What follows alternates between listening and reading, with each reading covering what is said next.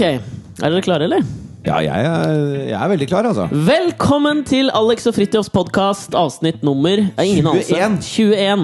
Det er et Ja. spesielt avsnitt, for i dag har vi med oss en eh, gjesteprogramleder. Er det programleder? Ja, vet du hva? Jeg har ikke lyst til at det skal være en gjest. Jeg, jeg har lyst til at eh, I dag er vi tre. I dag er vi tre. Velkommen. Asbjørn Slettemark. Tusen takk. Yay! Applaus. Det er veldig hyggelig å være her. Ja, vi- det er veldig hyggelig at du kunne komme. Men, men du sier at det er hyggelig at jeg kom, men når dere skrev på Facebook eh, i- Dere hadde sånn gjettekonkurranse på Facebook på Alex og Fridtjof-sida, da. Jeg liker at du allerede nå reklamerer sånn for vår side. Det er veldig deilig. ass. Ja, men eh, nå, nå kommer det, vet du. For der står det at eh, vi får en gjest eh, eh, som er litt kjent. Det var veldig hyggelig at dere sa. Og så at Du er han- veldig kjent. Ja, litt, kanskje. Ja, litt. litt. Ok. Eh, og så så at han er ikke fra Østlandet, bla, bla. Og så sto det at Alex liker han ganske godt. Fridtjof liker han ikke. Ja, eh, dette Liker er- ikke du meg? Jeg liker deg veldig godt, uh, Asbjørn. I beg to differ. Ja, for jeg har, men, men jeg kan bare forklare før, før han lille firestarteren her borte får lov til å komme på banen. Skal vi tilbake til span-anmeldelsen min nå, eller? Nei, men A- Alex har liksom Han føler at han har sett oss begge fra utsiden. Og så har han dannet seg et bilde av et sånt hat da som bobler mellom oss. Ja, nemlig, ja. På grunn av vår fortid. Eh, og det eh, Ja, altså, og ønsker fortid, han Fortiden da er jo at jeg har anmeldt bandet ditt, er det Ja. tenker på? Som jeg ga tror til politiet. Omtrent. ja. Rart at dere skulle nevne dette, her, for jeg har anmeldelsen foran her. Så jeg ja, tenkte vi kunne begynne med å bare sånn få dette ut av verden. Vi starter der. Ja, tid er dette? To, Nei, nei, altså, du har, du 2002? an- du har tre- anmeldt begge. Altså De to første platene til Span, som var det bandet Fridtjof spilte i før, anmeldte Asbjørn for Bergens Tidende. Uh, og det første albumet, det syns jeg ikke var så Det var ikke så gæren anmeldelse. Da fikk dere terningkast tre, men ingressen var skuffende albumdebut. Så, og Den tenker jeg vi bare la ligge. Fordi det som, er, det som er den morsomme anmeldelsen, er plate nummer to, som het Versus Time. Den fikk terningkast to. Har du, har du lest denne her på forhånd eller? Nei, nei det, jeg, jeg leste den i 2006, typ, Ja. så det er ganske lenge siden jeg har lest den. Ja, Den kom i 2005, var det ikke det? Den plata kom eller sånn? Ja, Det er mulig at det blusser opp noe hat nå når du leser dette. Ja, fordi denne, denne anmeldelsen er såpass kort at jeg lurer på om vi skal ta oss tid til at jeg bare leser den opp. Jeg. For den er rimelig underholdende. Okay. Den heter da Overskriften er 'Null følelser'. Ingress 'Skrekkelig oppfølger'. Skrekkelig, faktisk. Med debuten Mass Distraction skulle Oslo-rockerne Span bli verdensstjerner ved hjelp av Island Records brutale markedsføringsmaskin. Askeladd-historien endte med samme asfalttryning som Babelfish og M2M har opplevd de siste årene, og Span fikk fyken fra gigantselskapet. Gullplatesuksessen i Norge til tross, de kommersielle forventningene til Span ble ikke innfridd. Ok, Det er jo for så vidt saklig og ganske riktig. Litt facts. Vil bare få anmeldelsen ferdig. Med Versus Time forsøker bandet å gjenopprette balansen. Span produserer det meste selv, men fremstår dessverre i enda større grad enn på forrige plate som et band totalt blottet for spennende faktorer. Vokalist Jarle Bernhoft har en stemme som fungerer brukbart til midt på veien streiting grunge av typen Nickelback og Stone Temple Pilots, men klarer aldri å tilføre de håpløse blues-skala-riffene fra Fridtjof Nilsen. Parentes, han kaller seg fremdeles Joff Nilsen, utrolig nok. Parentes slutt. Eller de meningsløse tekstene. Verken aggresjon, varhet eller noe som helst som kan minne om følelser. Anmeldt av Asbjørn Slettemark, terningkast 2. Kjør debatt. Den var ganske beinhard. Ja, den var Ja, den var hard, relativt Men øh, er, det min, er det min tur, eller? Ja, ja, ja, ja, ja.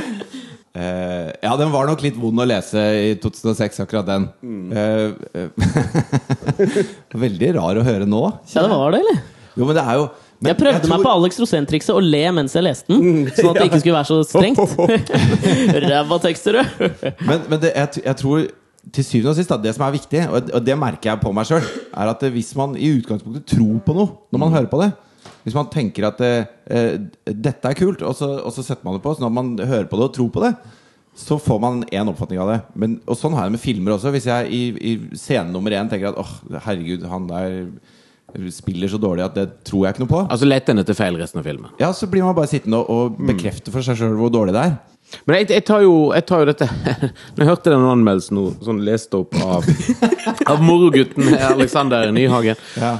så slå, Jeg tenkte faktisk på veien eh, bortover her når jeg skulle, når jeg skulle møte dere, at eh, For nå holder jeg jo på å jobbe med et program med Marte Stokstad som heter De dominerte.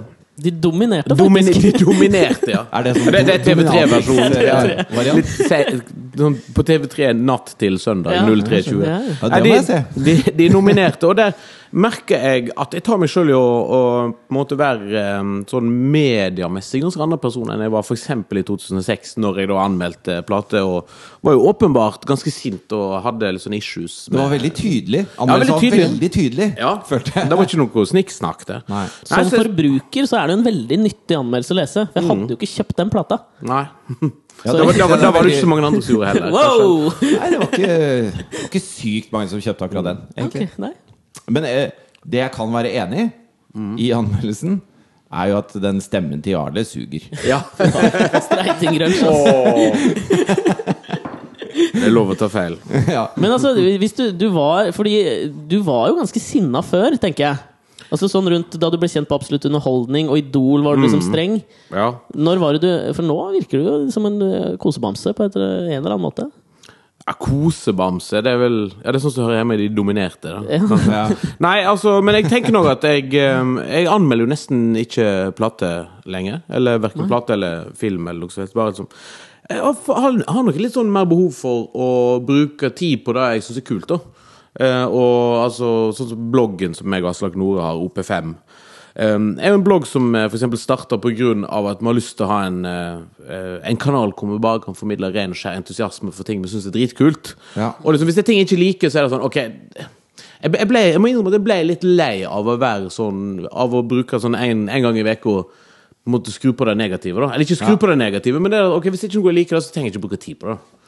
Så um, Hanna Kvanmo, den gamle SV-politikeren, mener jeg sa en gang du skal være jævla kritisk til hva du lar deg irritere over. ja, Kanskje det, det du har? ja, det er faktisk et, uh, et veldig godt poeng. Nei, altså, Jeg lar meg jo irritere fremdeles. Det er jeg. Ja, og når man, altså, men det som, er, det som er viktig da når man blir irritert, er at man, man er, er tydelig på hva det er som irriterer. At, man, at man tenker tanken ferdig, tenker jeg. Eh, og når det gjelder musikk, så legger man jo på en måte litt sånn Altså De som gir ut den musikken, de, de eh, har ikke noen mulighet til å argumentere tilbake. Argumentet er ferdig da når, når CD-en ligger på bordet. Og da, da må man bare tåle alt som kommer tilbake. For hvis man lager noe som alle liker, så er det jo Da er det Grandiosa, da. Og da, det noe, da har det ikke noe verdi. Eller så er det Solidarity Breaks-plata til Jarle Bernhoft. da Men, men samtidig så er det jo Jeg tenker, og det, det syns jeg faktisk er veldig kult. Det, det, det må jeg si at jeg syns det er veldig kult å faktisk kunne sitte seks-sju år etterpå og diskutere denne anmeldelsen med deg. Ja. Etter jeg tross alt har jo strengt tatt slakta ei plate og slakta gitarspillet ditt. Og, så, jeg, jeg, og, og, ting, og, ting, og det er viktig at når jeg på en måte er, en, er, en, negativ i um, Det var mye frygisk og, og dorisk også inni det den. Det var ikke ja, bare pentaton, altså. Nei, okay. Wow. Nå, Ja, men, men det er faktisk Det er veldig stor forskjell på hvordan folk reagerer på dette. Tingen er at, Og det gjelder når jeg får så kjeft for anmeldelser. Sånn det, uh, ja, nei, fy søren, det du mener der er jo helt feil. Og sånn Og så sier jeg ja, men jeg påstår jo ikke at jeg har noe som helst fasit. Jeg påstår ikke at når jeg anmelder, at det er objektivt. Altså det er en ren og skjær subjektiv formidling av ting som jeg opplever når jeg eksempel hører på en plate, basert på hva musikk jeg er interessert i, hva musikk jeg liker, hva bakgrunn jeg har. Og det, og det som er viktig her, det er at hvis du hadde sagt at eh, Hvis du hadde sagt at eh, Ja, men jeg mente egentlig ikke det der. Da hadde vi blitt uvenner. Men hvis altså, tatt en Sigrid Bonde Tusvik. Ja, tatt en Sigrid Bonde Tusvik. Rett og slett. Hvis du hadde sagt at du, ja, du må ikke høre på det jeg sier når jeg skriver anmeldelser, for da bare hisser jeg meg opp med vilje for at det skal være leseverdig. Da kan vi ha en krangel om det. At det men så lenge du står for det Og, og hvis, jeg, jeg tror det er mange artister også som Hvis de får mye slakt, da så, så endrer de sin oppfatning av sitt eget verk på basis av de, de få journalistene som har slakta det. Og da er man inne på en slippery slope, tenker jeg da. Ja, og da, jeg merker at da blir jeg veldig ofte irritert på av artister som Altså Artister som jeg er veldig glad i, um, som du har gitt ut en eller annen plate som jeg digger, og som jeg, som jeg ser kanskje får litt slakt andre plasser, men så jeg tenker fy faen, den plata der, den er undervurdert. Men det er liksom, jeg, jeg forstår hva artisten ville med den plata, og det, det er plata som snakker til meg. Og så kommer artisten med neste plate, og sier han Ja, nei, forrige plate, jeg følte at vi bomma litt eh, der, og Ja. vi fikk ikke helt til, og vi ble litt dratt med av de Ja, kommersielle det, altså. Så jeg tenker sånn Faen heller, jeg har sittet her og brukt liksom to år på den plata, og, så- og så kommer du artisten etterpå og sier liksom Nei, det var ikke det var bare sånn halvveis. Men du, nå er det sånn gemyttlig, hyggelig tone. men jeg kan si altså, Fordi jeg syns dette er veldig hyggelig. Ja. Og, og alt mulig sånn Men det er én ting du har gjort som irriterte meg noe jævlig. Hvis, jeg- hvis, jeg er, hvis vi begynner der Jeg tror du må få lov å svare på en eller annen måte. Ikke Ja, sant? ja. ja Det var eh, når Jarle var på Lydverket for, eh, for et par år siden. I januar 2010 var vel første TV-show han var på, på, den Ja. runden- det året som endte opp med at han eh, april etterpå, året etterpå spilte i Oslo Spektrum. Ja, og da tok jeg ikke sant, og poppa litt popkorn og satte over en eh, kanne saft og, og satte meg i godstolen og skulle se på Lydverket og kose meg. Og så eh, tror jeg Nå husker jeg ikke dette ordrett, men jeg tror du åpna med Åssen øh, har det vært å etablere seg som soloartist etter den øh, gedigne floppen Span var? Jeg tror ikke jeg, Ordet gedigen er ikke på Nei, en måte mitt gedigen. Jeg husker ikke dette. Men da, men da følte jeg Da satt jeg der, så tenkte jeg at det, over 400 konserter Hvorav eh, liksom de siste tre årene så var alle konsertene utsolgt. 55 000 solgte plater. Altså flopp!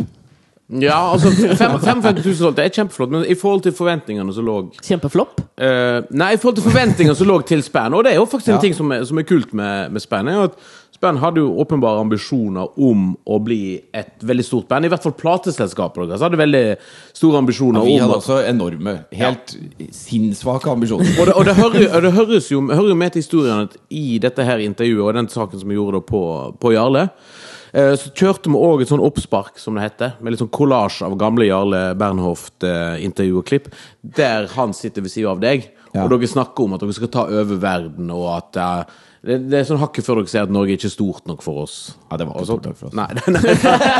og da tenker jeg, sett i, med det som bakteppe, så vil jeg komme med brannfakkelen om at Span var en flopp. Bumper.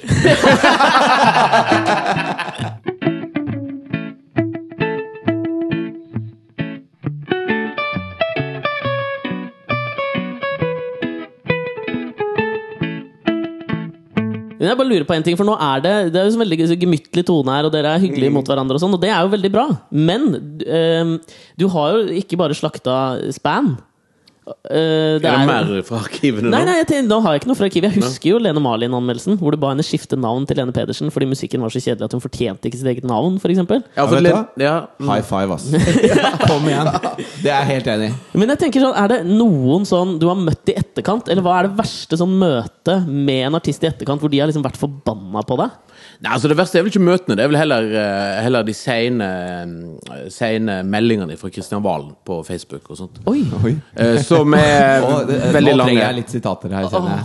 Ja, for Jeg anmeldte da et album av Kristian Valen på Absolutt Underholdning en eller annen gang. Og den plata heter vel 'Listen When Alone', som er jo en ganske interessant Ja, tittel. det betyr vel at han har noe personlig å si til deg, tenker Ja, jeg. Ja, at hvis du, Når du hører på den plata, så blir du så emosjonell og begynner å gråte at du vil helst være alene. Han har lyst til å i lage- i Han har lyst til å lage litt alenetid med Ja, Asbjørn ja. Slettmark og Kristian Holm. Nemlig.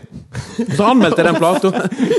Det er ikke lov å si. Nei, det ikke lov å si. Altså, jeg anmeldte den plata, uh, slakta den veldig hardt. Uh, mye hardere enn hva, enn hva jeg gjorde med, med Span. Og da var det hardt. Ja, ja nei, altså, det der, der, der eh, Det var fløyels, eh, den av eh, okay, sammenlignet med det. Altså, så, og, dette, og skal huske også at dette var på TV. Så dette, på TV så er du på besøk i folks stuer. Og Derfor blir det mye sterkere. Så da var jo jeg da på besøk i Kristian Valens stue gjennom TV-en min. Eller Han gjennom TV-en hans. Han satt og pekte på deg med en rifle. Ja, han. Ja. Så han, han, han, ble, han ble veldig eh, lei seg. Og veldig sint. Um, og så, jo, og så kom det en musikkvideo med Kristian Valen som jeg snakket litt om på, på uh, i VG. Denne har jeg sett, den musikkvideoen. Ja, det er den med Jeg syns jo, det er den- jeg jo det er den morsomste sketsjen han noensinne har Altså, laget. jeg, jeg, altså jeg syns jo genuint Og da sa jeg i Jeg synes genuint at den videoen her er bra. For den videoen er jo da Kristian Valen som sitter på et tak i Los Angeles, tror jeg, i en sofa. Ja. Eh, og, og synger litt for seg sjøl, og så mimrer han litt tilbake, og så um, slåss han med Vinnie Jones. Det er et slags mafiaoppgjør, er det ikke det? Jo, jo det er mafiaoppgjør. For han er liksom i lag med ei sånn rikmannsdatter som skal gifte seg med en mafiafyr som er Vinnie Jones. Og så masse fram og tilbake, og så er det sånn der, eh, masse duer på ei strand som flyr opp, og så flyr de sånn hjerteformasjon for å symbolisere kjærligheten til Kristian Ja, Valen altså- og og, og sånt. Og så skal han mafiafyren skyte Kristian Valen på slutten på ei strand for at Kristian Valen skal treffe rikmannsdatter. Og så kaster hun rikmannsdatter seg foran for å beskytte Kristian Valen. Så Vinnie Jones skyter da dama som vil gifte seg med Kristian Valen, men som er kjæresten til mafiasjefen. Et eller annet Ja. sånt. Og så sa jeg til VG at uh, dette er den mest fantastiske videoen jeg har sett på lenge. Bla, bla, bla. Det kunne jo vært en hel sesong med, med en, en mafiaserie. Ja, altså jeg tar, Dette er jo da videoen som Axel Rose aldri klarte å lage. altså dette er, Det ene som mangler, er at Kristian Valen svømmer med delfiner. Så jeg også, og så var jeg litt sånn fram og tilbake. Det gjorde han, men Ray Kay kutta ut den scenen av videoen. Er Ja, det kom i Directors Cut. Ja, Ray Kay som har Ja, det er den. det, Ja, ja, ja. Altså, tingene, videoen er dritbra laga, og. Og så sa jeg at jeg syns dette er en veldig morsom video, men så, eller veldig bra video, men sannsynligvis ikke på samme premisser som Kristian Valen vil at jeg syns han er bra. Jeg synes han er morsom, og da, da ble han Da ble Kristian Valen ble veldig uh, sint på grunn av det, og sendte meg, vi, sendte her meg vi noen meldinger. på det, her er vi inne på det som jeg prøvde å prate om også. Ja. Er at Man må tro på en artist. Altså Gjennom de tingene jeg har lest om han i media, og sånn, så, så det fins et mørke i Kristian Valen. Så jeg tror at han er på mange måter mye mer ekte når han snakker om de mørke sidene, Mm. enn mange andre norske artister er. Ja, og så er det jo sånn at uh, de aller fleste komikere har jo veldig mørke sider. Enten det er Andy Kaufman, eller det er Belushi, ja, eller, ja. Eller Steve Martin, eller I hvert fall de hvem det beste er. komikerne har veldig mange mørke sider. Ja. Ja, det, det er jo det som gir de en edge. Hva he- Var det ikke Bill Hicks? Han som Bill Hicks hadde mange mørke sider. Ja. Nei, han drakk seg ikke, han fikk kreft. Det er, altså, det er interessant med Bill Hicks, da. For at, uh, han oppdager jeg en eller annen gang på begynnelsen av 90-tallet, da han introduserte mange band på Lollapalooza. Tool introduserte han faktisk på Lollapalooza, denne her ja. alternative festivalen som Janes Addiction arrangerte på ja, sent 80-, tid- tidlig 90-tall. Faen, jeg elska Lollapalooza. Har du vært Da der? var liksom, det var skikkelig nei, sånn jeg var, satt der og bare tenkte, Hvert år tenkte jeg faen at jeg ikke var på Lollapalooza. Hvorfor får ikke Ja, Span spille på Lollapalooza? det, det tenkte jeg også. Dette Men da- landet er ikke stort nok. Men da så jeg Bill Hicks eh, eh, introdusere Tool på uh, et eller annet sånn VHS-tape før internett. Ble veldig fascinert av han. Eh, fant eh, veldig masse teiper med han opptak fra annet et, eh, en CD som heter Arizona Bay. Som er veldig kul, som er sånn anti-California, anti-Los Angeles-greier. For Arizona Bay eh, er jo da navnet på eh, den delen av USA som kommer til å være igjen som kystlinje etter det store jordskjelvet har senka Ja. California. Når San Fernando-forkastningen bare har sklidd ut i havet. Ja, og da blir jo California blir da til Arizona Bay. Der tror jeg det er bra å surfe. ass. I Arizona Bay, ja. ja, ja, ja. ja, ja. Men jeg så, apropos det der sånn introdusere eh, At komikere kommer og introduserer eh, på festivaler og sånn. Mm. Så så jeg forleden dag den der dokumentaren om Conan O'Brien. Har dere sett den? Eh, altså året hans etter at han fikk sparken. Nei, men jeg leste en bok om det som heter The War for Late Night. Ja.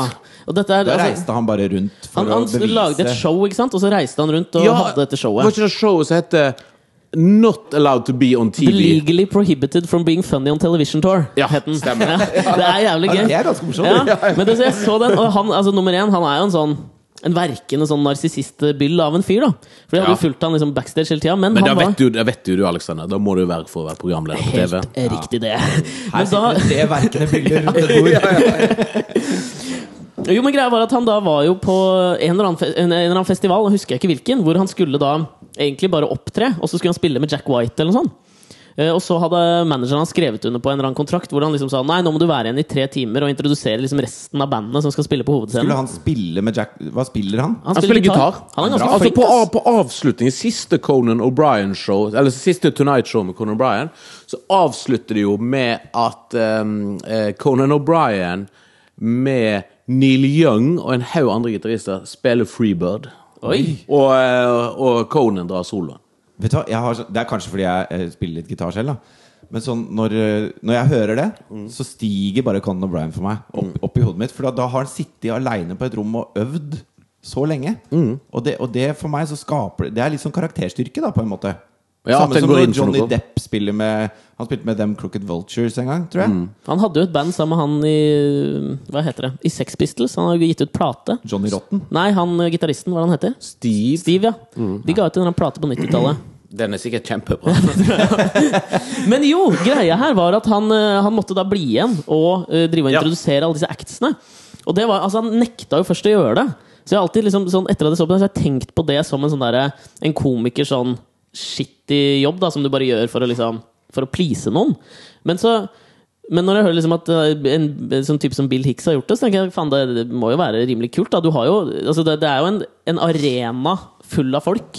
Du får jo aldri et så stort publikum på en standup-scene, liksom. Men hva var det eh, Altså Tilbake til det med Bill Hicks. Hva Ja. var det han gjorde som var så spesielt når han introduserte der? Husker du noe Nei, av altså det? Bare da at en standup-komiker, eller et av de mest seriøse rockeband som fins, som er jo Tool, som er amerikansk eh, metal-rockeband som spiller veldig avansert, episk, storslaget musikk, Ja. at de da eh, får en ganske subversiv komiker som Bill Hicks, som er jo tross alt eh, ja, kan, i, i, et, eh, I en amerikansk kontekst er han jo veldig venstrevridd. Ja. Um, da at han plutselig står og introduserer et sånn seriøst rockeband, var sånn brudd med alt om hvordan rocke, det rocketeatralske skulle være. Hvordan kontrakten mellom publikum og artist var, var utformet. Da, For eksempel, sant, når du går på en Iron Maiden-konsert er det ikke bilde av Bill Hicks på coveret til eh, Ikke Lateralus, men Nei, før det? Enema. ja. Det står inne i Er ikke det eh, Jo, det, det står inne i cover på eh, Enema av uh, Tool. Så er det en tegning av Bill Hicks. Ja. Og så står det under 'Another Dead American Hero'.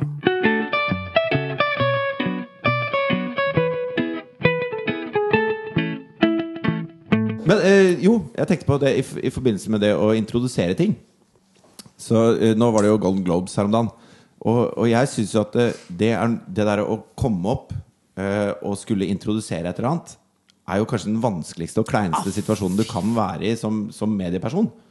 Fordi at eh, alle forventer at du skal være morsom, uh, samtidig som du har noe helt konkret du skal si. Og så, og så Det blir så skrevet, da. Det blir så lite der og da.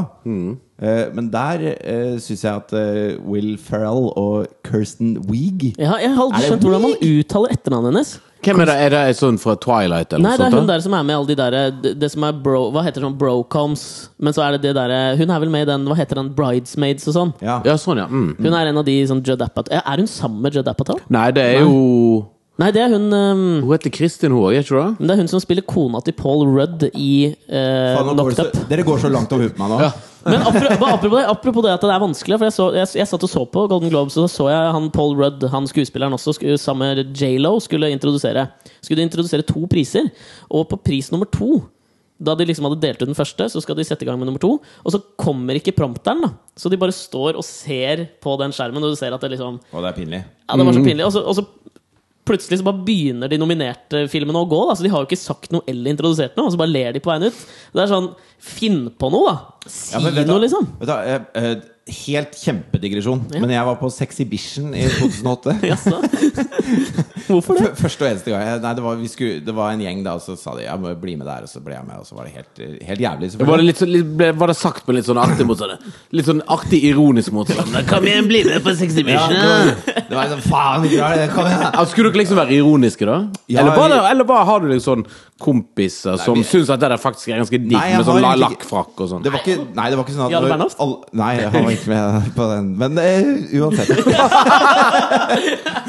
Men kom vi uansett, inn der. du var på Sexibition. Jeg var på Sexibition, og så og Hvordan, så- det er en ting jeg lurte på. Kan jeg spørre om det før Ja, du kjør på.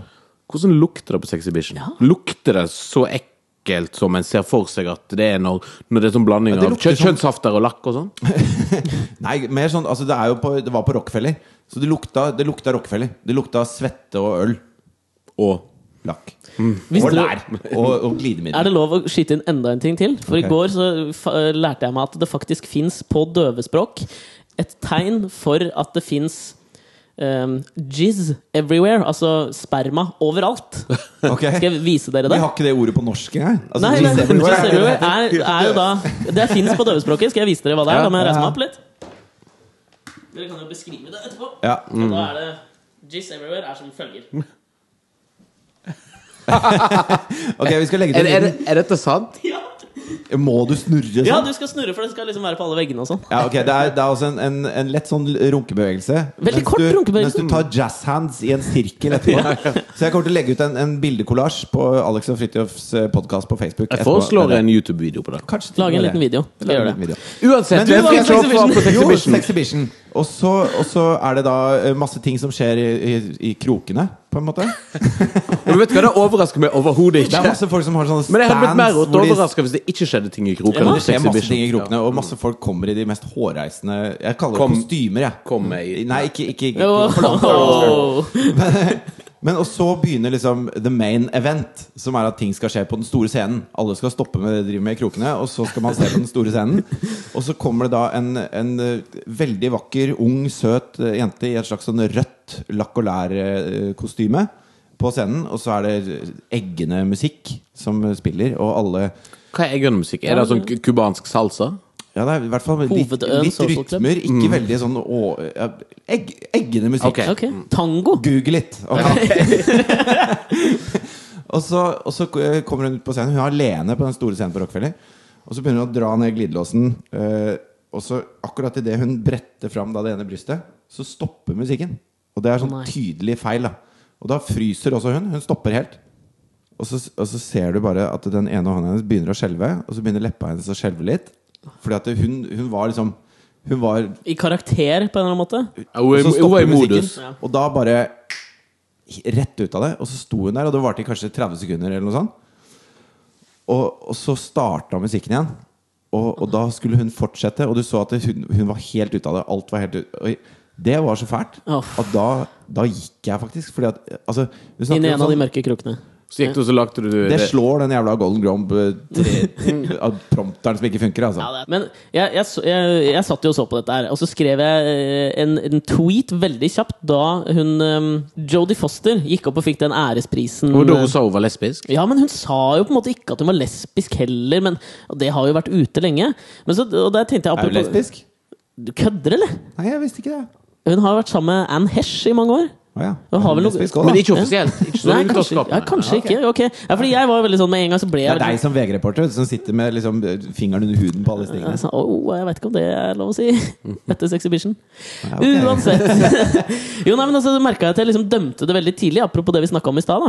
Så var jeg veldig sånn, med en gang så bare syntes jeg Nei, dette her, den talen sugde, liksom. For noe dritt. Og så har jeg sett den på YouTube igjen. Og den er jo egentlig Har dere sett den, eller? Jeg har sett den. Ja, altså, den er jo rimelig nydelig, men Jeg har bare lest om han. Jeg vet at hun var um, grunnen til at Ronald Reagan ble skutt eh, Hva?! tidlig på 80-tallet. Det var hun! Hvorfor det? Her nå, altså. Ja, for at det er han jeg, jeg, jeg husker ikke historien i detaljer, men eh, han som skjøt Reagan, han var jo obsessed med Jodie Foster. Og grunnen til at han skjøt Ronald Reagan, var for å få Jodie Foster sin oppmerksomhet. For han var blitt forelska i barnestjerna Jodie Foster fra Taxi Driver. Hun der elleve år gamle prostituerte som Ja. Robert De Niro driver og styrer på med. Ja, tror du han hadde likt den 50 år gamle lesba som var på Golden Globe her om dagen? Jeg tipper han har blitt litt skuffa. men en annen artig Ikke artig, det er jo helt feil ord, men eh, han fyren som da skøyt Ronald Reagan, han hadde jo da ei bok hjemme som var veldig vellest, som var 'Catcher in the Rye'. Det var den som han Chapman leste òg, det. Ja, JD Salinger som skrev. Den Eh, var, på, den var på pensum Når jeg gikk på skolen. Ja, Den var på pensum i, eh, i norsk på gymnaset i Norge. Ja. Og den er vel forbudt i skoleverket i en del amerikanske stater. Ja, er. Og, Men det kan jo ikke være pga. innholdet i boka. Nei, jo, altså Jo, det, er jo, det er jo ganske subversiv bok, da. Eh, opprørsk bok. Og for den, han som da skjøt eh, og drepte John Lennon, Mark David Chapman Ja. Når han hadde skutt John Lennon, så sto han bare og venta på politiet. Og så eh, De første dagene så nekta han jo å snakke med politiet. Eh, han bare henviste til Catcher in the Rye-bok, og der får dere all forklaring på hvorfor jeg skøyt. Den boka Eh, John handler om det er en fyr som heter Holden Caulfield, som liksom skal fange folk. Han prater om det der å fange folk for å falle utfor stupet, som liksom er adulthood, da, ikke sant? Ja, altså den, fal den falske voksenverden. Han skal være the catcher in the rye. Ja, altså? Fangeren i kornåkeren Ja. som, som, eh, som stopper unger fra å falle utenfor stupet og bli falske voksne. Tror du Han, Bin Laden har lest den boka?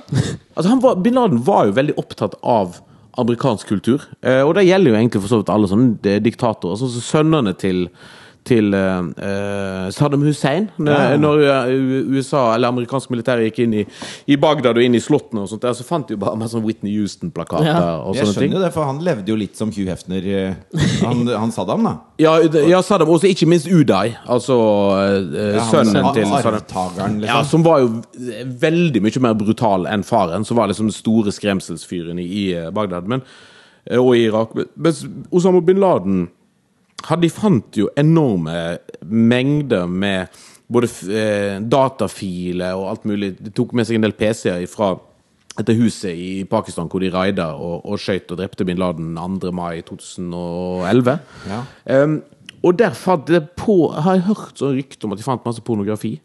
Og sånt, blant annet. Men tror du ja, det ikke, er- ikke litt sånn Men tror du det er- exhibition-aktig, men jeg lurer er på om det er propaganda, eller om det der faktisk var det. Eller så er det jo kanskje det at han, han vil vite men hvem han kjemper mot. da Ja. Know your enemy, for å sitere Rage Against Machine. Mm. Eh, altså at det, at det er research. Men han er jo en altså Osama bin Laden var jo, hadde jo masse Var jo egentlig ganske vestlig orientert. Han bodde jo i Sverige i en periode. Han gikk Ja. jo mange år på sånn sekulær skole. Og studerte eh, økonomi og Ja, bedriftsøkonomi. For han er jo Han kommer fra bin Laden-familien, som var jo Var ikke de jævlig rike? Jo, jo. Ja. jo, jo, det, er jo, det, er jo, det er jo største sånn contracting-firmaet i, eh, i Midtøsten. I hvert fall ett av de største. Jeg husker det var i Saudi-Arabia. ja, Saudi-Arabia. Altså, de, var, de var på en måte kongelig hoffleverandør av byggetjenester. Men jeg husker jeg var i eh, Sør-Jordan en gang, på grensene til Israel og Egypt. I en by som het Akaba. Jeg føler meg så jævlig grunn. Altså Når jeg sier jeg var på Sexhibition en gang, og så kommer du og sier jeg var i Sør-Jordan en gang. Jeg har aldri vært i Sør... Er det fint der, eller? Ja, altså Sør-Jordan er, Er det ikke prinsessen i Jordan som er så innmari vakker? Jo, hun er faktisk truffet på Eller ei av de. På, Ikke sant. um, Her ser du. Ja, ikke sant? Du Ja, for- så en eller annen stripper i rød lateks. Du har møtt prinsessen Jeg, av jeg Jordan. så Rocco prøvde å verve noen russ på Sexhibition, mens du møtte prinsessa i Jordan. Ja, ei av de. Eh, En av de, ja. for at, nei, Q- The Queen, faktisk. For at, eh, Ja. Jeg traff henne på en sånn ambassademottakelse under ramadan. Hva sa du da? Er det som når man møter Nei, for tingen at Jeg visste ikke. Jeg visste ikke jeg bare, Det var jo en ganske fin dame, bare. Da. Som jeg traff hey, på ja, ja, nei, var faktisk så, Og tingen, dette var jo på eh, Dette var en mottagelse hos noen forretningsfolk som jeg har truffet i Amman i Jordan. Jeg husker ikke helt hvordan jeg landa opp der, men jeg var i hvert fall oppe på den der festen Nå- oppe i ambassadestrøket i Amman, og der var det masse Du konkurrerer med hvalen og i Norges mest enigmatiske eh, offentlige person. Altså. Eller Norges største løgner. Det er en av to. Nei, altså, og så prata med ei dame som var kjempefin. da. Hun var vel type 40, kanskje. Um, og sto og prata lenge med henne, og hun hadde ganske inngående kunnskap om, norsk, eh, om Norge. da Og begynte med av en eller annen grunn å snakke om det Buchiki-drapet. Oh, ja. altså, husker du den, han palestinske Eller han, han som ble drept på Lillehammer en gang på 70-tallet, som Mossad drepte med en feil, for de trodde han var palestinsk terrorist. Så var ikke han allikevel. Og jeg tenkte, Det var jeg par og tjue år, så jeg, det var jo Jeg kunne ingenting om sånn eh, protokoll innen diplomatiet, og hva en snakker om og hva en ikke snakker om. Så jeg sto bare la ut der, og PLO og Buchiki og Midtøsten-konflikten. Du sa du syns, rett og slett. Ja, rett og slett. Ja, ja. Snakka fra levra. og så kommer da han verten bort til meg, og sånn, og så eh, Og så sier han til meg sånn so, so what did you and the queen talk about? Jeg bare hva, hva, hva for dronning? sier jeg. «Nei, på. Og så, og så faller liksom brikkene på plass, og så skjønner jeg at jeg har stått der og, og holdt en lengre foredrag om Norge sitt forhold til Midtøsten til jeg er Jordan. Men det er sikkert noe av det mer ærlige hun har hørt om Norge sitt forhold Ja, til jeg, Midtøsten. jeg tror faktisk hun satte pris på det. Ja, det tror jeg også. Um, så hvis jeg visste hvem hun var, så hadde jeg jo selvfølgelig sagt eh, Bli med meg hjem. nei, nei, da hadde jeg sagt sånn Oh, we really appreciate your country, og bla, bla, bla. Altså, jeg bare ja, ja, ja, bla, bla, bla.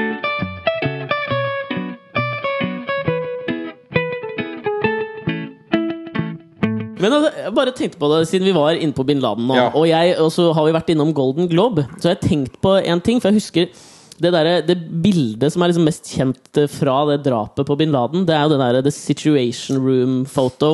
Hvor du ser eh, Obama og Clinton og hele stabben sitter og venter og ser på storskjerm. ikke sant? Ja, det er veldig 24, akkurat det der. Ganske 24-bilde. Og så og så, så jeg på Jeg så på Golden Globe, og der var det jo sånn at det, øhm, en del av prisene var jo på en måte sponsa av forskjellige firmaer. Da, sånn det kan være sånn Best Al- Al-Qaida.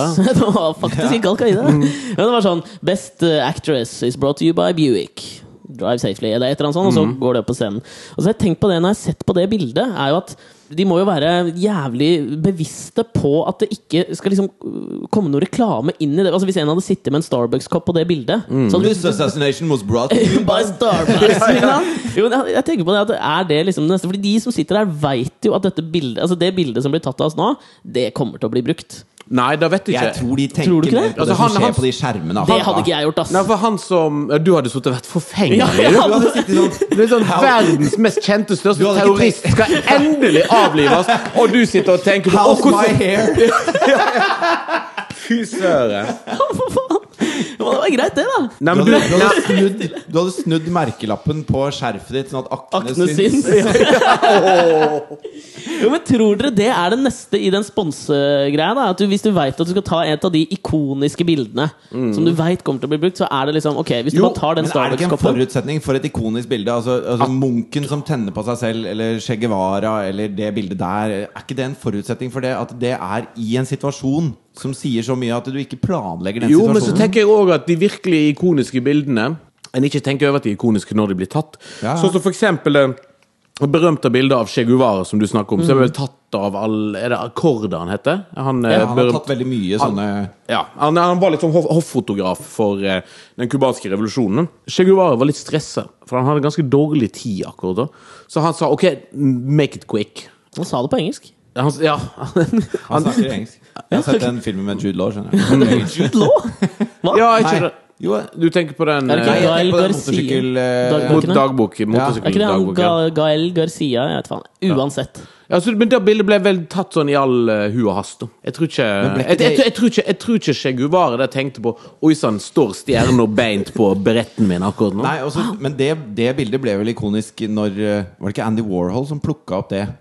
Jo, og Helt gjorde sikkert. det til sånn Ja, og pop art. Jeg tror det var da Maradona tatoverte den på overarmen, at det var da det ble ikonisk. Det fins en CIA-agent i Florida som nå Han heter Feliz Han har også nesten sånn, sånn spansk tullenavn. Feliz, Hernandez. Feliz Navidad. Hvor, eh, som eh, eh, var en g- eksilcubaner, CIA-agent, som sitter i Florida med Rolexen til, eh, til Che Guevara på hånda. Sjølbiografien til han, eh, han CIA-agenten, eh, eksilcubaneren, den begynner med noe sånt som at eh, eh, helikopter, nei, eh, helikopteret letter fra bakken. Eh, på sida av helikopteret så henger det fremdeles varme liket av Che Guevara, og på hånda mi så er Che Guevara sin Rolex GMT Master. Du har lyst til å lese resten av Har du boka? lyst til å lese, resten? For han tok, han tok eh, klokka av eh, liket til Cheguar, Che, che Guevara, for han var jo Rolex-samler, akkurat sånn som, eh, som Fidel Castro. Ja. Hvis du, det er ganske kult. da Hvis en googler Fidel Castro og Rolex, så får han opp helt sjukt masse bilder. Blant annet er det bildene av, av Fidel Castro fra når han snakker i FN. Så har han to Rolexer på seg. Nei. Jo, jo. Han har altså begynt en tradisjon med to Rolexer som Diego Maradona, startet. Diego Maradona tok videre. Folk trodde jo at det var Diego Maradona som skulle vise, for han ble jo tatt og tatt noen bilder av han i Tyskland med to Rolexer. Og så Det var Run DMC jeg, som starta det. Nei, nei, nei. Dette starta med revolusjonen. Men da, han starta den tradisjonen for det at um, eh, Fidel Castro begynte med det for å ha to tidssoner. Så- Å, ja. så Det var praktisk, faktisk. Ja, det hadde ser jævla rått ut. Ser jævla rått ut med to Rolexer. Ja, Men angående klokke Hvis du googler Osama bin Laden, og så finner du fram uh, et bilde For at, du vet at det fins ei offisiell Al Qaida-klokke. Her gjør det det. Som er den samme klokka som alle hipsterne i Williamsburg bruker. Det er en sånn Tror den heter Casio F91, eller noe sånt. Vet du hva, søker jeg på Det er, det, Søk på Casio Al Qaida. Og det, men eh, hvordan er det blitt en offisiell Al Qaida-klokke? Jo, for det, at det er den klokka du får eh, når du får utlevert eh, starterkittet som eh, selvmordsbomber. Se her er noe! Det. Du. Dette bildet skal vi legge ut på, på sida vår. Der sitter Osama bin Laden med Casio-klokka. Han har den på seg. Ja, for, Det- det, altså, det det, der- for den klokka er den beste å bruke til du, du, um, du bruker den Den har noen sånne funksjoner som er veldig lett å koble til eksplosiver. Som gjør at du kan stille inn timeren på den til, eh, Ja, ja. til bombegrep. Så når du da blir verva av, eh, av Al Qaida som du litt en sånn desillusjonert Litt som 16-åring Bokklubben, Ja, ja, så, får, så får du klokka og en dynamittkubbe! og så får du opplæring hvordan du skal gjøre det. Men det, er liksom, det må jo være jævla dårlig for Casios, Casios varemerke. Jeg ser for meg Det er litt sånn Nei, nei. Lacoste Nei, og Breivik-greier som ikke helt funker. Er ikke noe, du vil Ja, jo ikke ha nei. merkevaren din knytta til en fyr som Altså, Osama bin Laden. Jo, i noen deler av verden vil jeg Hva med, Ja. hva med Hugo Boss og naziene? Ja, sant Det det. er jo samme greia. Ja, ja. Hipsteren gir tydeligvis faen. IBM og holocaust. Og det er nytt for deg at hipsteren gir faen?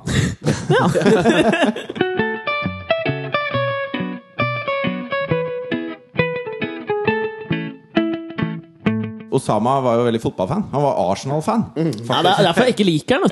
For et jævla rasshøl. Tottenham-fan, der. Han var spiss, vet du. Osama bin Laden. Han var spiss. Han likte å spille spiss. Ja, men det, det ser jeg faktisk for meg, for han er jo sånn fyr som liker å på en måte være eh, Han liker å være litt stjerne. Han liker å være frontfigur. Ja, ja. Eh, han liker Han skal liksom synes, han skal også, gå i bresjen for Ja, dem. mens han er ikke så fryktelig interessert i liksom å springe tilbake og gjøre litt sånn Han grunnarbeid. har, og terror, han har terrorverdenens Zlatan Ibrahimovic.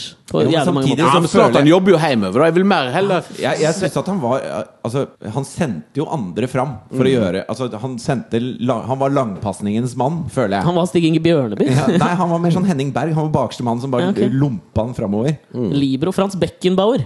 Han er terror, terrorversjonens Frans Beckenbauer. Jeg skal slutte å prøve å finne hvem han var i fotballverdenen. Men er, vi, vi har jo alle hørt en del på den podkasten til Philip og Fredrik, og de har prata en gang om Osama bin Laden. Og da husker jeg at de De snakker om at han er så vakker. Ja, det er det jeg har tenkt litt på. Jeg, jeg har sett litt på litt bilder av ham. han er, jeg er ganske enig, ass. Fin. Fin. Flotte trekk, liksom. Hvis han hadde kappa skjegget litt, sånn at det bare var en litt sånn tredagers, liksom. Ja. Pen fyr. Høy. Han er vel nesten to meter høy, er han ikke? Er det nå du skal gjøre døvetegnet for Jizz Everywhere?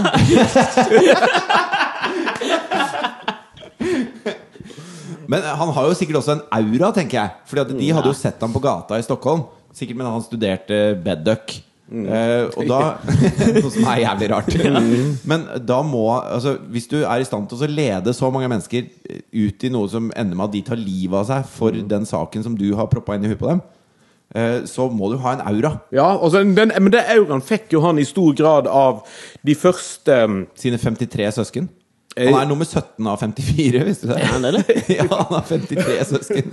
Han, han, har- han hadde vel 50 barn sjøl, hadde han ikke det? 20 koner eller noe? Jo, altså han hadde jo Det var vel to Var det ei eller to koner som bodde med han da når han ble drept? Ja, da var det tre stykker som var der, tror jeg. Men Ganske interessant å lese om eh, de siste årene til Osama bin Laden. For at en har liksom satt sammen litt av, av livet hans basert på en del av de eh, papirene og sånt som, som eh, Navy Seals fant da de storma huset i Pakistan og, og drepte han. Og, Abbotobad? Mm, ja, er det det heter? Abbottabad? Abbottabad. Abbottabad, ja. Som. Var litt sånn rik forstad, eller rik by i eh, Pakistan. Eh, og det viser seg jo at uh, Osama bin Laden var ganske desillusjonert, men han, også- han, s- han drev liksom og hadde ja, Du sier jo at han var liksom ledestjerne, og at han var god i bedduck og, og Ja, ja. sånne ting. Men han, greien var jo at han sleit jo med alle de tingene som andre eh, direktører, firmadirektører, sliter med. For at det, det var litt sånn Det var litt, det var litt lite med penger. og og eh, hadde liksom, Al-Qaida hadde ikke fått så masse fokus i pressen i det siste. Han var litt, han var litt desillusjonert pga. Han drev og prøvde å bygge opp i en organisasjon. og- Ja, ja, ja. Så, eh, nei, så han, eh, han levde visst et litt sånn, litt sånn deprimerende liv de siste årene. For at han, han hadde liksom Gjennom å ha vært så lenge adskilt fra resten av verden av tingene eh, liksom, Prosessen som firmaet hans hadde satt i gang 11.9., så, så måtte eh, Så hadde han rett og slett mistet litt kontroll med han, og han var veldig veldig bitter av at ikke Al Qaida klarte å kapitalisere og få masse eh, sympati etter, etter den arabiske våren. da. Så han skjønte ikke på en måte prosessene som skjedde rundt om i de opprørske miljøene. altså, Og, det- og den tror- virkeligheten han mista kontakten med, er jo en veldig annen virkelighet enn den vi har kontakt med, eller de som var i de tårnene hadde kontakt med. Ja. Ja, men jeg tror han, han gjorde den største feilen. Liksom, som jeg tenker jævlig mange sånne Hvis du tar alle sånne diktatorer eller sånne rimelig gale-Mathias-folk. da de må, Det er én person de må lære av, og det er jo han Olav Koss. Ikke sant? Når du går og vinner alle gullene på Lillehammer, så piker du. For, for hans del da så piker jo han når de flyene Du, flyene du spytter inn snakker i om å ta tårnet. en George, du, fra Seinfeld. Ja, du må Ja. bare, da må du bare gå. Takk Ja. for meg. Og så må du la noen note. andre liksom ja? Avslutta på topp. Ja, Ja. ikke sant? Jeg har en sånn hangup på, på bin Laden om dagen. For at eh, eh, På mandag så kom jo da den eh, en bok som heter No Easy Day på norsk. Veldig bra bok. Så Første bok som er skrevet av en av de som da var med på angrepet mot Er det eh, han bin Laden. Mark Owen? Han Ja. som, eller det er pseudonymet til en av de Navy Seals-gutta? Ja, det er Mark Bissonette er vel, ja. er, er vel han lov til å Nei, men han har jo også nei. blitt saksøkt, er han ikke det? jo, han er jo, det er jo snakk om riksrett og alt mulig. Ja, ja. Så han er en av de på liksom, Navy, Navy som Seals sitt bur, Team sånn som han 6. Wikileaks uh, han som- Bradley Manning. Ja. Nei, det tror jeg ikke. Tror ikke? Men det, nei, for jeg, jeg, Han har vært med og drept bin Laden. Du setter ikke en sånn fyr i bur. Men du kan kanskje kjøre en gjennom litt sånn rettsprosesser og sånn. Ja, hvis man tar Også, tilbake til 24, da Jack Bauer har fått ganske mye på pukkelen, selv om han har gjort mye bra. Det er faktisk sant, ja. Mm. ja bare, men jeg tenker på bare sånn med han Mark Owen. og så All min kunnskap om sånn etterretningsdel Jeg liker at du er baserer Det er Alt du vet om waterboarding, det vet du Det er fra også fra 24. 24, ja. Mm. Men han valgte da Mark Owen, og så het han i virkeligheten Mark Bissonette. Bissonetti. Du må velge et, et pseudonym som er lenger unna navnet ditt, tenker jeg. Ja. Det er for lett å finne ut det. Det er et samme Alexander fornavn. liksom. Nyhagen, for eksempel. Veldig langt unna Mark Bissonette. Ja, mm. Men Mark. Owen, er ikke det en i Take That? Jo, det er det! Altså. Det er han homoen i Take That. Ja, ja. Oi, da er ikke du masse troverdig som sånn her eh, Skrev han noe sånt? assassin fra Navy Seal Team 6. Altså, Vennene mine kaller meg Marky Mark og sånn. Ja, ja.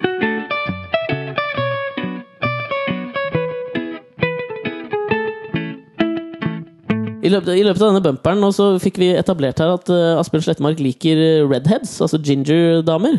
Og det første Fridtjof sier, er da 'Å, shit, da må du sjekke ut søstera mi', som akkurat har fått barn! Ja, og er veldig lykkelig sammen med Nei, Ja, det er vik, vik, viktig her også og, um, Viktig å understreke at jeg, Hva skal du- at skal jeg, jeg, er ned nei, nei, nei, ja, men, nei, men det er viktig at jeg er ikke noen sånn preferansefyr. Så jeg har sånn uh, Du liker alt. Ja, altså, jeg syns, jeg syns, eh, jeg syns alle typer jenter er søte. Jeg er ikke sånn som har noen kompiser som eh, er sånn ekstremt opptatt av blonde damer, eller ekstremt opptatt av damer med store pupper, eller et eller annet sånt. For meg, alt, men, men jeg, jeg, jeg, alltid syns at hun Alt det kan man fikse, tenker jeg. det er bare å farge håret og for jeg alltid og at hun i That 70 Show er så søt. Ja. Donna, hun Donna. høye med rødt hår. Nydelig. Men de fleste andre, når du, altså når du sier eh, sånn fin dame, That's Empty Show, så tenker de jo Mila Kunis med en gang. Jeg har aldri tent på Mila Kun... Ja, det er feil å si. Det er bra når du stopper deg sjøl etter fem ord av den setningen. Ja! Sorry. Men vi rakk jo å lage litt kaffe òg, i tillegg til å se, se på altså. søstera til Fridtjof. Jeg tenker på altså, litt Hun er veldig søt, søster søstera di, da. Ja, hun er kjempesøt. Hei, Kitty. Hun er blendende vakker, vil jeg si. Ok. Men hvor var det jeg skulle med dette? Jo, det jeg skulle si, var at eh, Tror du, tror du Osama bin Laden snakker sånn om sine 54 søsken? Ja, jeg lurer på ja, det. det ass. Tror du han kan navnene på alle sine Er 53 søsken? Er de 54, og han har 53 søsken? Jeg tror han er eh, Skal vi se, jeg har det her.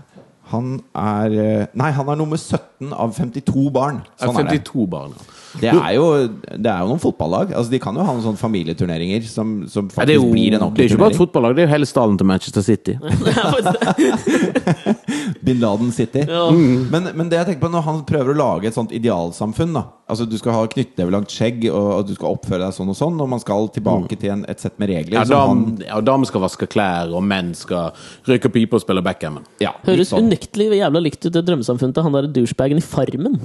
Ja. Ja, ja det er jo det samme. Ja, ja. Det er det samme. Men, men eh, jeg tenker at den, den vestlige verden prøver jo også å lage et slags sånn drømmesamfunn. Eh, fordi at nå har Tenker du på Drømmehagen? ja, Er det ditt drømmesamfunn? Det er mitt drømmesamfunn. Nei, nei, men jeg tenker på nå, altså Vi driver jo med sånn, noe som heter sånn embryoscreening. For å se etter sykdommer og sånn. ja, For oss som ikke ser så masse på Science Channel, så må du forklare hva det er. Ok, det er at man Embryo er jo foster. sant? Ja, det er foster. Og, så, og så tar man ut uh, noe genetisk materiale fra fosteret. Og da kan man søke etter markører på forskjellige sykdommer, f.eks. For Downs syndrom eller blindhet, døvhet uh, og en del sånne arvelige sykdommer. Og så kan man da velge om man vil beholde barnet eller ikke. Men det som er skummelt med det, er at man kan også finne ut hva kjønnet er. Hvilken hårfarge, øyenfarge, om de kommer til å være høye eller lave. Om det ligger til grunn for at de er atletisk bygget. Eller, man kan finne ut en hel masse ting. da Jeg hadde vært ute å kjøre hvis embryoforskningen hadde kommet så langt da jeg var et foster. ass. Og du hadde sikkert blitt sånn eh, Allergier, ja, vi, vi prøver en gang til. Ja, ja. Ja, men så jeg faktisk på den her fantastiske svenske serien Solsidan. Ja. Solsidan, ja. Eh, Der er det jo sånn at han Fredde, som er min favorittkarakter i Solsidan Helt utrolig bra. Sette Solsidan kort for de som ikke har sett det, er at det er en sånn svensk serie som han Felix Herngren har laget. Som er en slags, det er en slags komiserie.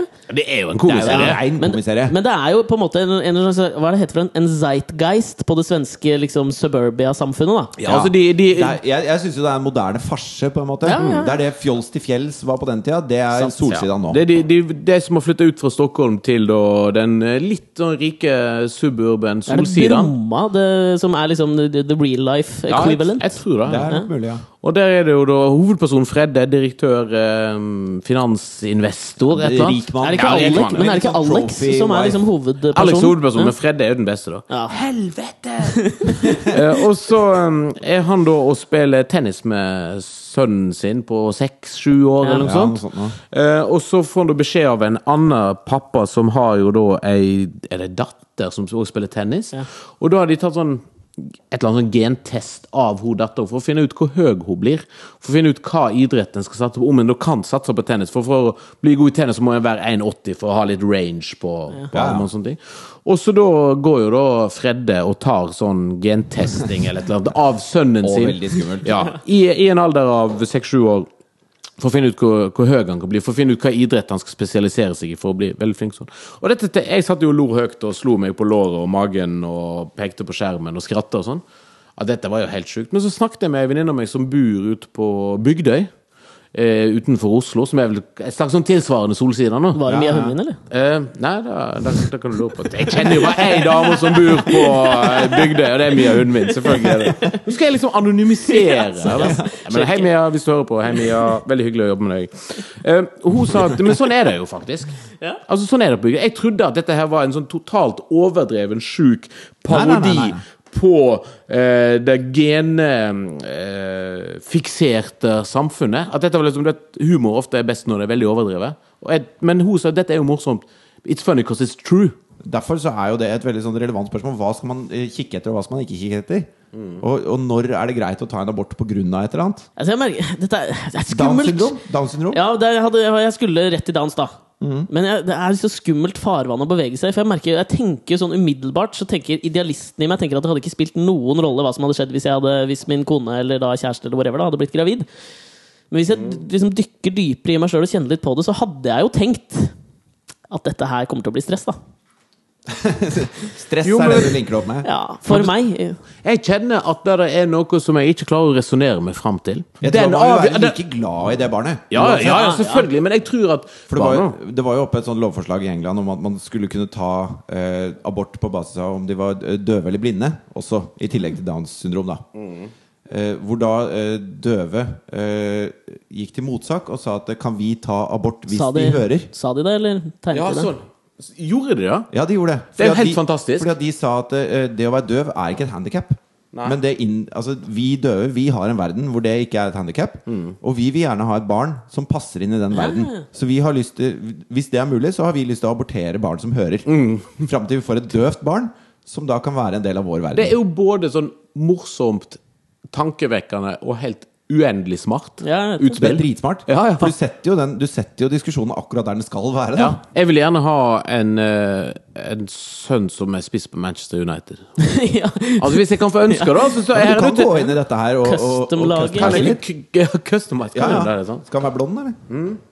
Nei, han skal være rødhåra. Da tror jeg du du må prøve noen ganger. Nei, gjerne, gjerne litt sånn sydlandsk eh, Sydlandsk temperament. Ok, ja, ja. Bra fotball. Litt sånn, litt sånn Kanskje en blanding Ole Gunnar Solskjær og Zlatan. Hvis du kunne customisa barnet ditt, hva skulle vært de tre egenskapene? Eh, eh, smart. Uh, Nå må du eksemplifisere med Ja. type Altså Sett sammen ditt drømmemenneske. Ja, Ja. å, dette her er nei, altså litt sånn derre uh, Som bred allmennkunnskap, sånn at man kan uttale seg om mange forskjellige ting. Da. En slags sånn, Philip Hamar. nei, sånn Tine Skarland-smart. Ah, du er så kåt på Tine Skarland! Hvem er det? Redaktøren i A... Hva Nei, heter det? Innsikt? Innsikt, Aftenposten Innsikt. Og du tenner, tenner på kunnskap, du. Ja, jeg er veldig glad i det. Jo, men Hun skriver sånne smarte ledere eh, i, i forbindelse med uansett hva de har om som tema den gangen. Så kommer hun med ledere som har en innsikt som, eh, som passer til bladet. Baramdish, ja. Baramdish. Jo, men litt sånn, litt sånn type smart. Ikke sånn Bobby Fischer-smart, men Nei. sånn Tine Skarland-smart. Ok, Tine Skalaen er en tredjedel Smart, gangen. men ikke for smart for sitt eget beste. Altså, Ja. jeg, jeg tenker Ole Gunnar Solskjær sin ydmykhet og norskhet og brunostkompatibilitet. Oi, ja. eh, og så Zlatan Når du sier sin brunost det, det betyr at det oser noe brunt. Nei, men altså, er det, er det norsk, da? Men brunost Ja. Unnskyld, jeg er Norsk, veldig norskhet, da. penetrert Ja, ja, det er veldig. Er Ekstremt. Litt sånn klaps til Du meg, ja, egentlig. du er litt sånn, du er. Jeg er litt sånn. Og så er Zlatan sin eh, verdensvanthet og munnrapphet og frekkhet. Ja. Gjerne ville hatt. Og så ehm, Nei, det holder, da. De to. Men hva, jeg bare Jo, lurer på skal jeg er summere opp ferdig min Ja, ta her? din. Jo, altså eh, så det er Tine Skarland smart. Og så at man skal være Er det gutt eller jente? Det er irrelevant. Helt irrelevant. Jo, men jeg føler at du må, vi, må, vi må pinpointe det inne. Ok, På en måte så har jeg jo en jente, Ja, så vi har en så gutt. det kan godt være en gutt denne gangen. Eh, og han må være eh, Og så vil jeg at han ikke skal være for pen. Men heller ei for stygg. Sånn at han skal være, han skal være sånn at utseendet eh, Ruggedly handsome? verken jobber med han eller mot han. Sånn at han må, han må jobbe for de tingene han skal oppnå. Ja, den, den, den følger jeg på. Ja. Mm, veldig enig i det. Ja. Hva var det siste jeg måtte velge? Du må bare ha en til. En til. Um, Du kan, du kan velge sjøl. ja. Krølle Bernhoft. Custom Child. Ja, han kan godt synge. Fy Jeg er god til å synge. For da kan vi lage band! Ok, men jeg, Får jeg lov òg? Ja, ja, ja. Og ta min? Da velger jeg en jente, da. Ok. Jeg tror hun skal ha altså hun skal ha den brunostkompatibilitet Jeg klarer ikke å si det ordet. Det som du Norsk. sa. Norsk? Norskheten til Hun skal ha den norskheten, men samtidig den derre um, kosmopolitiske auraen som Gro Harlem Brundtland har. Gro Harlem Brundtland er sånn universal-MILF uten sexappeal. Ja, ja. Så hun, det er liksom det er første. Og så skal hun ha Nei, så skal hun ha glimt i øyet til Julia Roberts.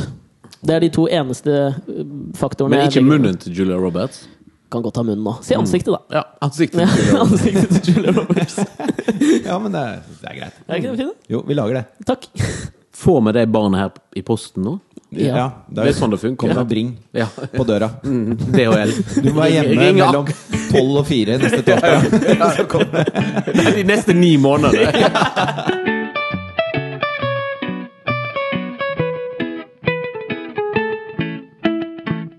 Men Asbjørn, da vi spurte deg om du hadde lyst til å være med i podkasten, så, Så sa jeg ja. eh, så sa du umiddelbart ja. Men så kom du også med en liten oppgave til oss som jeg syntes var fryktelig vanskelig. Ja, for jeg spurte om to ting. Jeg sa jeg vil gjerne snakke om Osama bin Laden. Det har du fått lov til. Det har jeg fått lov til. At length.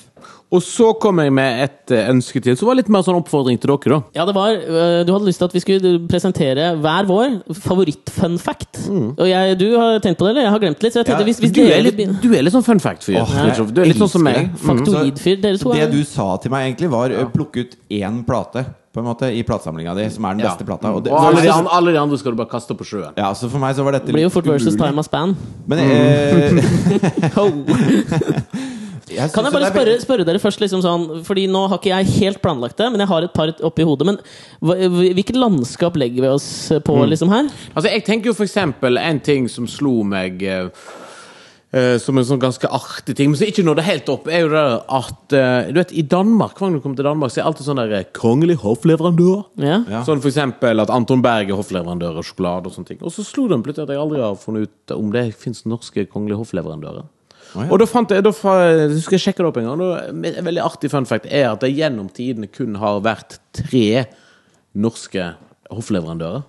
Og det er da Kong Oskar Sardine, Okay. og så er det Farris. Og så er det et eller annet gammelt pilsnermerke. Jeg tror det er Borg Pilsner. eller noe sånt. Oi. Det gamle sånn så er rett ned på Løkka, rett ned forbi Ja, her. så du- ja, ja. Altså gamle Skaus bryggerier. Ja, ja. Jeg kom Fordi på Fun fact er jo veldig, det er et veldig bredt tema. Og, og jeg, har jo sånn, jeg er jo veldig fan av å finne ut ting selv. Så jeg har en fun fact som jeg har funnet ut selv, som okay. steg veldig høyt fordi jeg fant ut selv. jeg liker at vi må ta contendersene litt sånn først, ja. Og det var eh, De nominerte. Når, eh, når De Thea. Thea, altså den fem år gamle jenta, fikk eh, en, eh, en film av Alexander hvor all dialog er på engelsk. Eh, så datt jo den litt gjennom gulvet for henne siden hun er fem, da. Det var en Michael Jackson-film. Ja, det var Michael Jackson. Hun er veldig glad i Michael Jackson, men ikke så glad i når han prater. Mest når han synger. Eh, men så gikk jeg ned på platekompaniet, og så så jeg at der i hylla så sto Mio min Mio. Som jeg har en, Det er Astrid Lindgren. Eh, som jeg har veldig sånn der, Det er litt sånn barndommen. Så jeg mm. plukka med meg den isteden. Og så så jeg den sammen med henne. Og så så jeg at bestevennen til Mio er da en som heter Jom Jom. Og vet dere hvem som spiller Jom Jom? Jarle Bernhoft. Nei, dette var hans første rolle i film. Axel Hennie. Nei. Christian Bale. Nei, er det det, eller? Ja. Okay, men det er Men, kul men at Christian Bale spiller Jom-Jom i Mio min Mio, syns jeg er veldig gøy. Ja, fin da kunne jeg sitte sammen med Thea og så kunne jeg si Du, han kompisen til Mio der, vet du hvem han blir når han blir stor? Han blir Batman. Ja, det er jo Og ganske hun satt som bare Hva? Så hun tror jo det nå. Det syns jeg er veldig deilig. Ja. Det er kjempegøy. Jeg kom på en fun fact. Det er litt sånn avansert fun fact. Sånn, har- har flere lag. Da. Det er en ren faktaopplysning. Men samtidig så ligger det et sånn eventyrgreie i at Mio min Mio, bestekompisen, blir Batman. Altså den rollefiguren blir Ja. Batman. Er veldig, veldig er veldig altså. Jeg kom på en fun fact eh, ettersom Vi snakka om han JD Salinger i stad. Da vi snakket om Catcher in the Rye. Jeg kom på en fun fact om han. Og det var at uh, Han ble jo veldig sånn ek- Han ekskluderte seg fra samfunnet etter at han ga ut Catcher in the Rye. Og han, har ikke, gi- han ga jo ett intervju til en studentavis en gang. og sånn Stemmer. Men han eh, i, løpet, i tre år eller fem år eller noe sånt så levde JD Salinger utelukkende på Burger King-diett. Det er jo Helt helt sånn fantastisk. Super Size Me. Super Size Me, rett og slett. Kopierte. Og visste dere forresten også at når, når griser får orgasme, så varer den i 30 minutter? Nå, nå vet du Prøver jeg å komme med en eller annen sånn sexhibition-vits, jizz everywhere. wow! Ok, men skal vi da Nå har jeg kommet på Jeg har valgt meg nå. Jeg, jeg kom på en nå, en fun fact. Men vi kan begynne med Asbjørn. siden Ja, det er kanskje. gjest, gjestene først. Gjestene heter det. først. Jeg satt her om dagen og leste meg opp på pandabjørner. Ok. Er det bra start, eller? Ja, det er faen bra saft. saft. Da fikk jeg saft i nesa. Lerum gjør seg også i nesa. Ja, vet du så nå. Kongelig norsk hoffleverandør, da. Saftig. Og da fant jeg Du har sikkert sett sånn søt video på YouTube av en pandabjørn som vinker. Ja, jeg- Har du sett den der av den pandabjørnen hvis barn nyser, og så skvetter den eldre pandabjørnen? Ja, det er fantastisk. Veldig, veldig gøy. Og så fant jeg jo masse artige ting, som f.eks. at pandabjørner er kun fertile, altså at de kan bli gravide og sånt. Tror det er 48 timer i året. Hva? Ja, altså det er helt sånn, et eller annet helt sånn latterlig eh, lite. Og så har han jo liksom utrydda pandabjørn og masse, veldig masse artig fun fact. Og om blant annet den røde Det er sånn rød pandabjørn, hvit pandabjørn, og så er det giant panda, som er Ja. den som vi tenker på som er sånn kung fu-panda. Kung fu-panda, ja. Men disse greiene, er at de første hvite, vestlige menneskene som skøyt og drepte en pandabjørn, det var sønnen til den amerikanske presidenten Theodore Roosevelt og broren hans Kermit Roosevelt. Bra fun fact. Ja, altså- Spesielt når man tenker på at det var vel Roosevelt som innførte teddybjørnen til USA. Ja. Som i te Teddybear, The ja. teddy bear. ja ja. veldig veldig kort om Teddybear, hvis jeg kan. Ja. Ja, fordi at det var en gammel bestemor i Tyskland som, eh, eh, som lagde en sånn teddybjørn. Som var den første kosebamsen da, som ble laget noen gang. For bamser var ikke noe automatisk kosedyr. Og sendte det med nevøen sin, som flytta til New York. Og så trengte de da sysselsetting i New York. Sånn at det var eh, Roosevelt satte opp plakater overalt. Og han sa at hvis noen har noen god idé om hva vi kan produsere, så kom til en sånn fair og vis fram det du har. Og da var han blitt så glad i den bamsen sin, så han tok med den bamsen. Og det syntes Roosevelt var en kjempeidé. da Å lage kosebamser. Så han sa kan ikke du lage eh, 1000 av denne her, og så kan vi presentere det som en, som en idé. Og så fikk han hun bestemoren i Tyskland til å sy 1000 sånne bamser. Og sendte de over til USA. Og så uh, Var Tyskland på den tiden dagens Øst-Asia når det kommer til produksjon? Helt sikkert. Ja. Og så, og så uh, ble det Roosevelt sitt pet, pet project, på en måte, å få disse bamsene ut.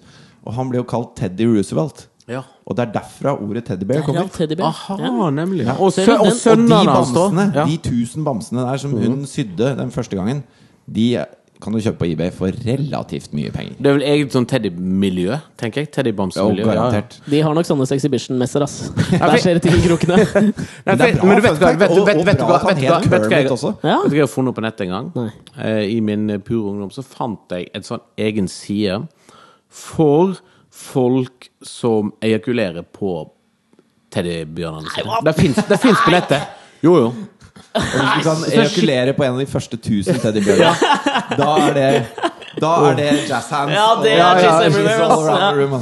Men tenk, tenk det, jeg syns det er så herlig politisk ukorrekt at sønnene til den, eh, den amerikanske presidenten, store Ja. presidenten Skal vi kalle han helten Roosevelt? Ja, helten Roosevelt. Det er rett og slett de dro på pandajakt i Kina på 30-tallet. Ja, er Kermit og Theodore jr. Er det han som har gitt Kermit, navnet til Kermit og the Frog? Ja, ja, ja. Hæ? Er det han som har gitt navnet til den frosken fra Kermit. Det er ikke Kermit, egentlig. Gammelt amerikansk Ja, navn. det er mulig. Men K- nå er det to mennesker jeg vet hvem er som heter Kermit. Det er Kermit og Kermit. Ok, Skal jeg, kan, kan jeg ta neste, eller? For jeg kommer til å glemme den hvis jeg ikke tar den nå, tror jeg. Og det er eh, Jeg har um, Bill Clinton var jo Han var president i en åtteårsperiode. Han hadde jo to terms som president. Og i løpet av den presidentperioden så sendte han bare to e-poster. Men ja, jeg trodde Wow. ikke den amerikanske presidenten har lov å sende e-post. Jo da, det er sånn intern greie. Så Å, den ene mailen han sendte, var, Var til til Monica Lewinsky. Nei, det var og den andre var til hun norske Monica Lewinsky. ja. nå jobber Ingeborg som moteredaktør i Kostym. Kostym. Nei, hun er filmredaktør nå i TV Norge. Jobber i TV Norge nå, tror jeg. Max. Nei, vi har Nei, Vi har eh, ja. Men uansett, den ene mailen han sendte, var til han astronauten. Han ehm, John Glenn, da han var ute og surra. Ja. Og den andre var eh, bare ser for, Dette er et sånt bilde som jeg ser for meg, hvor Bill Clinton Mm. sender den testmailen for å teste systemet. Oh, ja. Test. Send, send from Ja, ja. my Send from the Oval Office. I will. Do not reply. Ja, ikke sant? I'm the To e-poster, ja. president. Do not reply. ja, men jeg syns det er litt gøy. To e-poster bare i løpet av åtte år. Ja, jeg har jo noe så, altså Min topp fun fact eh, er jo ikke noe Det er selvfølgelig noe science. ok, kom med det. Fordi at eh, de har nå Altså, edderkoppspindelvev er helt sinnssykt sterkt. Men det er veldig vanskelig å, å lage eh, Altså å, å lage en fabrikk med edderkopper som lager spindelvev til deg. Som du kan bruke til noe. Så det de har gjort nå, er at de har klart å genmanipulere en geit. Sånn at, melk, at den melker edderkoppspindelvev. Den heter spider-goat. Nei! Jo, det er helt sant. Og det firmaet som gjør dette her, de uh, Foreløpig fins det 30 spider-goats i- på et Hva sa du? At det melker Hvordan i all verden får du det ut av spenene? Nei, men det, det kommer ut eh, altså, ferdig som spindelvev, liksom? Nei, det kommer ut som melk, og så tørker du melka, og det som er igjen da, er spindelvev. Edderkoppspindelvev. En slags Du, du, får- osteproduksjon? du, du, du, får, du må be meg unnskyldt, men jeg, det er sånn at jeg ikke tror på det. Nei, men det er derfor det er en fun fact. Det er, derfor, Det er jo helt altså, fantastisk. Ja, det er helt utrolig. Og det de lager av det, vet du hva det er? Blant annet, det kommer til å erstatte kevlar som body armor, for det er så sterkt. Det stopper kuler. Og, og du kan lage sånne ligaments, hva heter det, sånn sener i kneet og alt mulig sånn, for det er, det er det sterkeste materialet man har, da. Dette er jo total Samtidig- recall. Ja, det er Ja, helt det faen- total. At du får en spider goat. At du melker en geit, og så tørker du melka, og så setter du inn en ny scene som er sterkere enn den scenen du hadde. Visste du at Arnold Schwarzenegger har grisehjerte? Nei! Ja, Har han det? Ja, ja. Ja, Det syns jeg også er en fun fact. Ja, det er faen meg bra Les, fun leser du det altså. amerikanske magasiner? Nei, så- han, han- har, han- han, Schwarzenegger har riktignok saksøkt um, det, hva heter det gamle Premiere, det gamle amerikanske filmmagasinet, som skrev en artikkel om det. Ok. Saksøkte de opp og ned i mente, så det er jo da um, De måtte jo si at det er kanskje ikke sant likevel. Men, Men, vet, du hvordan de, eh, altså, vet du hvordan de avgjorde den rettssaken? Han måtte runke, og så kom han i 30 minutter. Da er vi ferdige for dagen, folkens. Stor takk til eh, Asbjørn Slettemark. Det var Ja, takk- veldig hyggelig å ha deg som gjest. Skal vi ha en liten applaus, eller? Ja, en liten applaus for Asbjørn! Takk, var veldig hyggelig å være her. Du er velkommen tilbake når som helst. Ja, eh, ta og Gå inn på Alex og Fridtjofs podkast på Facebook og legge igjen en liten beskjed der. Vi elsker sånne beskjeder. Eller send oss mail på alexogfridtjof.gmail.com. Vi fins på Dagbladet-TV nå. Du kan også laste oss ned på iTunes. Ja, jo ble TV. Ja. Altså, Har dere TV-podkast òg, Nei, nei, det er bare lyd. Ja. Å ja, sånn, ja.